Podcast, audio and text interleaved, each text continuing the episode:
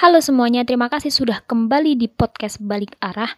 Untuk episode pertama ini kita akan membahas terkait dengan insekuritas perempuan atau biasa kita sebut dengan insecurities that women have.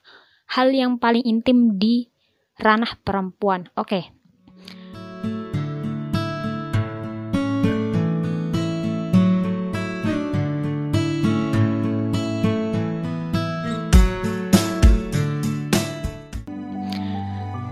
Sebelum kita lanjut ke sesi yang lebih intim lagi, kita akan mengulik sedikit terkait dengan insecure itu apa, bagaimana, dan lain sebagainya. Oke? Nah, aku mau kasih tahu nih, bahwasanya uh, sebenarnya insecure itu yaitu perasaan di mana seseorang mengalami rasa tidak aman. Oke, bisa dicamkan bahwasanya perasaan tidak aman. Nah, seseorang cenderung hidup dengan ketakutan atau tekanan. Jadi, Semakin dia tidak percaya diri, semakin banyak rasa tidak aman yang ada dalam pikirannya. Nah, loh. Kemudian, kecenderungan insecure ini kerap kali dirasakan oleh kaum hawa wanita sosok perempuan pada umumnya. Nah, itu dia. Dan kapan perempuan merasa insecure? Oke, sebenarnya di setiap makhluk manusia, manusia kan sebagai makhluk sosial nih otomatis punya perasaan, punya pikiran di masing-masing individu. Nah, sebenarnya setiap orang ini punya insekuritas tersendiri, tapi kita nggak pernah tahu ketika apa dan e, kapan seseorang ini mengalami insecure. Oke, kali ini aku akan mengulik sedikit demi sedikit insecure yang dialami oleh kaum perempuan. Nah, kapan sih perempuan itu merasa insecure? Perempuan itu bisa merasakan insecure kapan pun sebenarnya. Jadi, yang paling-paling utama itu ketika perempuan itu merasa sedang dikecewakan, tidak mendapatkan apresiasi atas apa yang telah dia lakukan. Oke, hal ini pun ya pernah aku alamin gitu loh pernah aku alamin secara pribadi ketika kecewa dan mau bangkit lagi itu agak susah. Jadi alhasil gak ada motivasi dan tidak ada apresiasi dari apa yang dari usaha apa yang sudah aku lakukan sendiri gitu. Nah kemudian perempuan itu biasanya ketika merasa insecure tidak memandang tempat atau waktu. Jadi bisa di saat dia sedang sendirian atau di saat keramaian. Gitu. Jadi karena karena dia merasa insecure kemudian dia merasakan dirinya sendiri dengan orang-orang di sekitar itu berbeda. Maka tidak akan memandang uh, tempat itu di saat dia sendirian atau di keramaian. Nah, uh, insecure ini bisa dikatakan sering sih, sering terjadi ke terhadap perempuan. Jadi kayak udah nggak bisa nggak bisa bendung lagi tuh loh, kayak eh, nggak uh, bisa bendung perasaan itu terhadap dirinya sendiri. Jadi artinya perempuan ini belum berani mengambil sikap atas apa yang menimpa dirinya saat itu pada saat uh, perempuan itu insecure. Nah, dia akan merasa insecure karena apa yang menjadi langkah utama dia ke depannya itu terpatahkan dengan overthinking.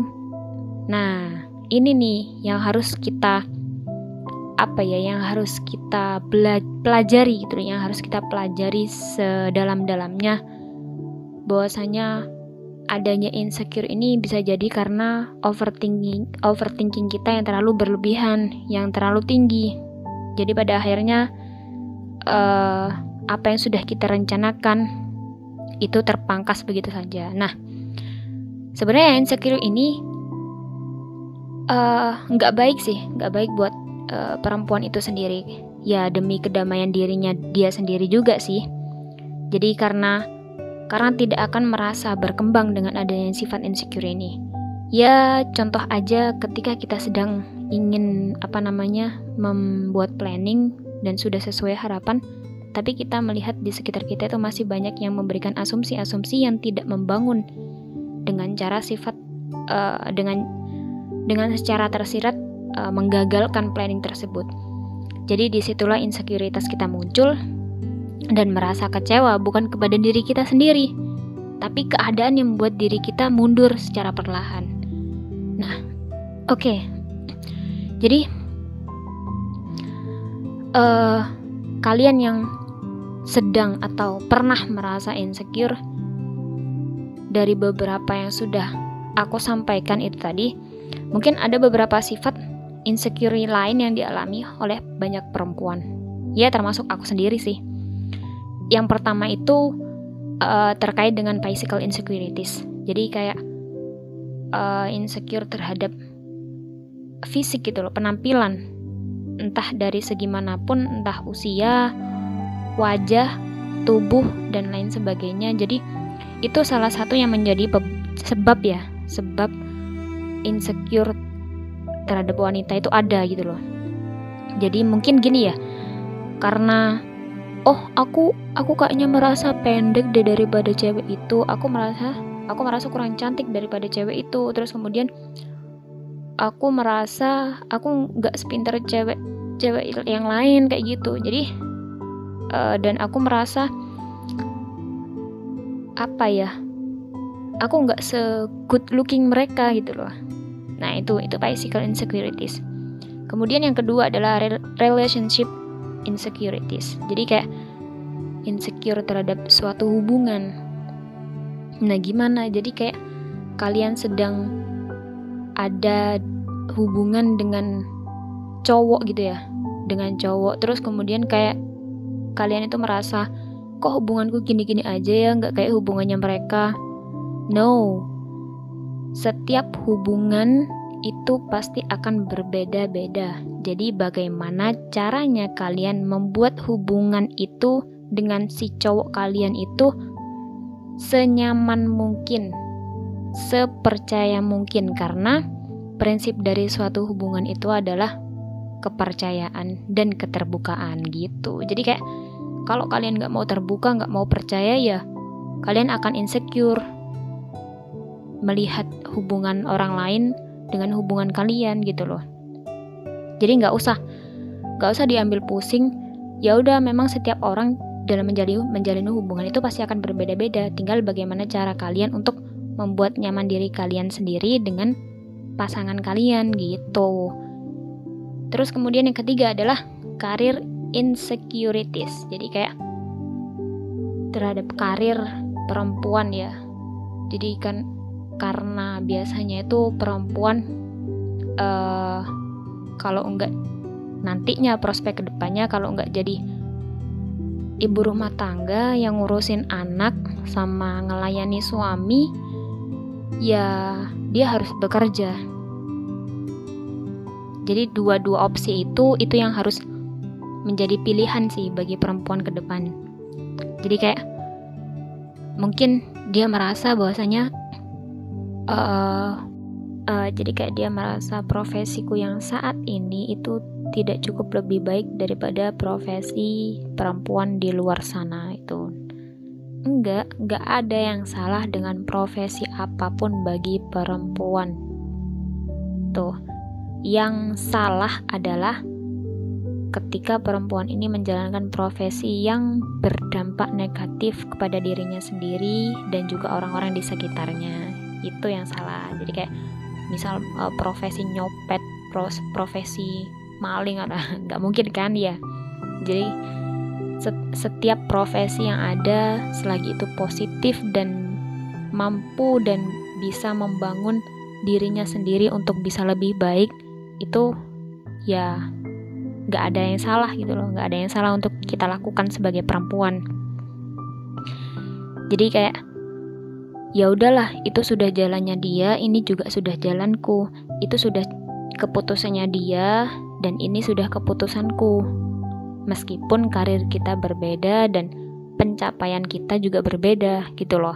Jadi nggak ada nggak ada masalah gitu. Jadi tetap positive thinking aja apa yang sudah kalian capai apa yang kalian tuju itu benar gitu terus kemudian yang keempat nih yang keempat itu uh, kreatif dan intelektual insecurity. Jadi kayak uh, kreativitas dan intelektual gitu ya. Uh, merasa daripada orang daripada perempuan yang lain gitu loh jadi kayak aku ini lo nggak sepinter dia aku ini lo nggak sepandai dia aku ini nggak se apalah itu pokoknya yang berkaitan dengan uh, kreativitas dan intelektualnya itu. Jadi kayak ya udahlah yang namanya usaha uh, perempu setiap perempuan untuk belajar itu pasti berbeda-beda gitu. Dan cara mencari ilmu di setiap perempuan itu pasti akan berbeda-beda gitu. Karena kemampuan berpikir pun uh, kemampuan berpikir perempuan pun juga akan berbeda-beda gitu. Jadi ya ya it's okay kalau misalkan mereka punya kemampuan segitu ya ya udah nggak apa-apa. Aku punya kemampuan segini untuk menyerap semua ilmu yang ada ya udah nggak masalah gitu loh. Yang penting ilmu ini bisa aku bagikan juga ke orang lain supaya lebih bermanfaat gitu. Terus kemudian hmm, apa yang menjadi solusi kita supaya kita itu bisa terbangun gitu loh. Uh, apa namanya? melek melek dengan bahwasanya insecure ini tidak baik untuk diri kita sendiri sebagai perempuan yang pertama, bangun apa yang sudah menjadi planning dan usahamu semaksimal mungkin. Yang kedua, jangan terlena dengan kehidupan di sekitarmu. Karena nggak bisa dipungkiri bahwasanya memang rumput tetangga itu lebih hijau. Tapi kita bisa menerapkan pada diri kita sendiri bahwa apa yang sudah kita tanam pasti akan kita panen nantinya. Gitu deh. Buat apa kita berencana jika kita tidak berusaha? Buat apa menjadi ragu jika sudah tepat apa yang akan kita tuju? Jadikan pelajaran di setiap permasalahan. Mau bersikap masa bodoh dan bodoh amat itu adalah pilihan. Yang terpenting, tetap bersyukur atas apa yang diberikan oleh Tuhan. See you next episode, guys. Bye bye.